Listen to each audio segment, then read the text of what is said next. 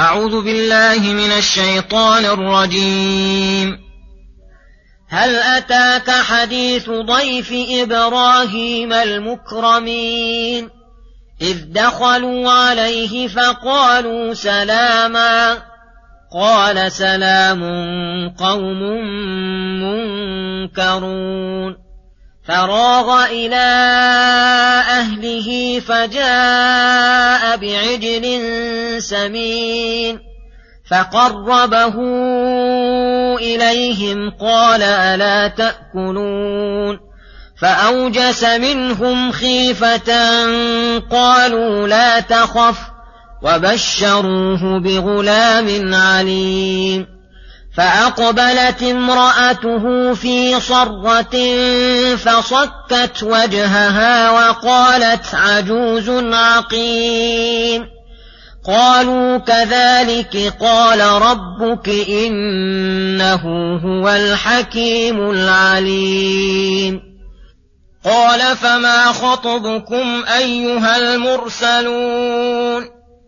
قالوا إنا أرسلنا إلى قوم مجرمين لنرسل عليهم حجارة من طين مسومة عند ربك للمسرفين فأخرجنا من كان فيها من المؤمنين فما وجدنا فيها غير بيت من المسلمين وتركنا فيها آية للذين يخافون العذاب الأليم. بسم الله الرحمن الرحيم. السلام عليكم ورحمة الله وبركاته. يقول الله سبحانه: هل أتاك حديث ضيف إبراهيم المكرمين؟ يقول تعالى: هل أتاك؟ أي أما جاءك حديث ضيف إبراهيم المكرمين ونبأهم الغريب العجيب وهم الملائكة الذين أرسلهم الله لإهلاك قوم لوط وأمرهم بالمرور على إبراهيم. فجاءوهم في صورة أضياف. إذ دخلوا عليه فقالوا سلاما. قال مجيبا لهم سلام أي عليكم قوم منكرون أي أنتم قوم منكرون فأحب أن تعرفوني بأنفسكم ولم يعرفهم إلا بعد ذلك. فراغ إلى أهله أي ذهب سريعا في خيفة ليحضر لهم قراهم فجاء بعجل سمين فقربه إليهم وعرض عليهم الأكل. قال ألا تأكلون؟ أوجس منهم خيفة هي رأى أيديهم لا تصل إليه. قالوا لا تخف وأخبروه بما جاءوا له وبشروه بغلام عليم وهو إسحاق عليه السلام. فلما سمعت المرأة البشارة أقبلت فرحة مستبشرة في صرة أي صيحة فصكت وجهها. وهذا من جنس ما يجري للنساء عند السرور ونحوه من الأقوال والأفعال المخالفة للطبيعة والعادة. فقالت عجوز عقيم أي أن لي الولد وأنا عجوز قد بلغت من السن ما لا تلد معه النساء ومع ذلك فأنا عقيم غير صالح الرحم للولادة أصلا فثم مانعان كل منهما مانع من الولد. وقد ذكرت المانع الثالث في سورة هود في قولها وهذا بعلي شيخا إن هذا لشيء عجيب. قالوا كذلك قال ربك أي الله الذي قدر ذلك وأمضاه فلا عجب في قدرة الله. إنه هو الحكيم العليم أي الذي وضع الأشياء مواضعها وقد وسع كل شيء علما. فسلموا لحكمه واشكروه على نعمته. قال فما خطبكم أيها المرسلون؟ أي قاله إبراهيم عليه السلام ما شأنكم أيها المرسلون؟ وماذا تريدون؟ لأنه استشعر أنهم رسل أرسلهم الله لبعض الشؤون المهمة. قالوا إنا أرسلنا إلى قوم مجرمين وهم قوم لوط. قد أجرموا بإشراكهم بالله وتكذيبهم لرسوله. وإتيانهم الفاحشة التي لم يسبقهم إليها أحد من العالمين. ليرسل عليهم حجارة من طين مسومة عند ربك للمسرفين. أي معلمة على كل حجر اسم صاحبه. لأنهم أسرفوا وتجاوزوا الحد. فجعل إبراهيم يجادلهم في قوم لوط لعل الله يدفع عنهم العذاب. فقيل له يا إبراهيم أعرض عن هذا إنه قد جاء أمر ربك وإنهم آتيهم عذاب غير مردود. أخرجنا من كان فيها من مؤمنين فما وجدنا فيها غير بيت من المسلمين وهم بيت لوط عليه السلام إلا امرأته فإنها من المهلكين. وتركنا فيها آية للذين يخافون العذاب الأليم يعتبرون بها ويعلمون أن الله شديد العقاب وأن رسله صادقون مصدقون. فصل في ذكر بعض ما تضمت هذه القصة من الحكم والأحكام. منها أن من الحكمة أن قص الله على عباده نبأ الأخيار والفجار ليعتبروا بهم وأين وصلت بهم الحال.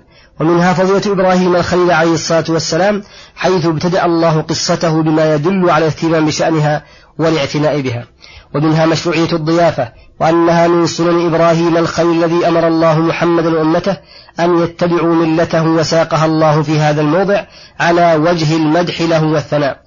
ومنها أن الضيف يكرم بأنواع الإكرام بالقول والفعل لأن الله وصف أضياف إبراهيم بأنهم مكرمون أي أكرمهم إبراهيم ووصف الله ما صنع بهم من الضيافة قولا وفعلا ومكرمون أيضا عند الله. ومنها أن إبراهيم عليه السلام قد كان بيته مأوى للطارقين والأضياف لأنهم دخلوا عليه من غير استئذان وإنما سلكوا طريق الأدب في ابتداء السلام فرد عليهم إبراهيم سلاما أكم سلاما أكمل من سلامهم وأتم لأنه أتى به جملة اسمية دالة على الثبوت والاستمرار.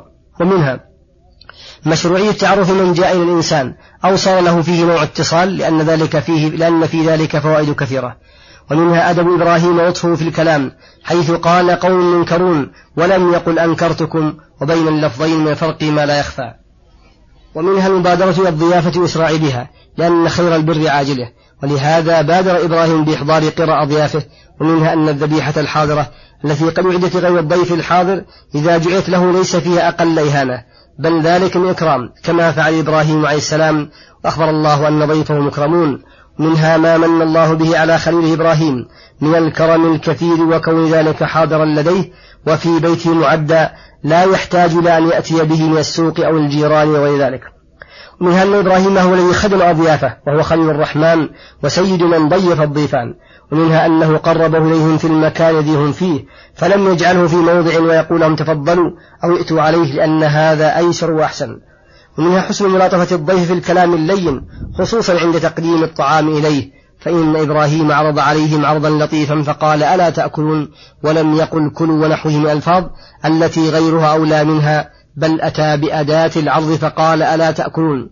فينبغي للمقتدى به أن يستعمل من ألفاظ الحسنة ما هو المناسب واللائق بالحال كقوله لأضيافه ألا تأكلون؟ أو لا تتفضلون؟ أو تشرفوننا وتحسنون إلينا ونحو ذلك. ومنها أن من خاف من أحد لسبب من أسباب فإن عليه أن يزيل عنه الخوف ويذكر له ما يؤمن روعه ويسكن جأشه. كما قالت الملائكة إبراهيم لما خافهم لا تخف وأخبروه بتلك البشارة السارة بعد الخوف منهم. منها شدة فرح سارة امرأة إبراهيم حتى جرى منها ما جرى من سك وجهها وسرتها غير المعهود. ومنها ما أكرم الله به إبراهيم وزوجته سارة من البشارة بغلام عليم وصلى الله وسلم على نبينا محمد وعلى آله وصحبه أجمعين. إلى الحلقة القادمة غدا إن شاء الله. والسلام عليكم ورحمة الله وبركاته.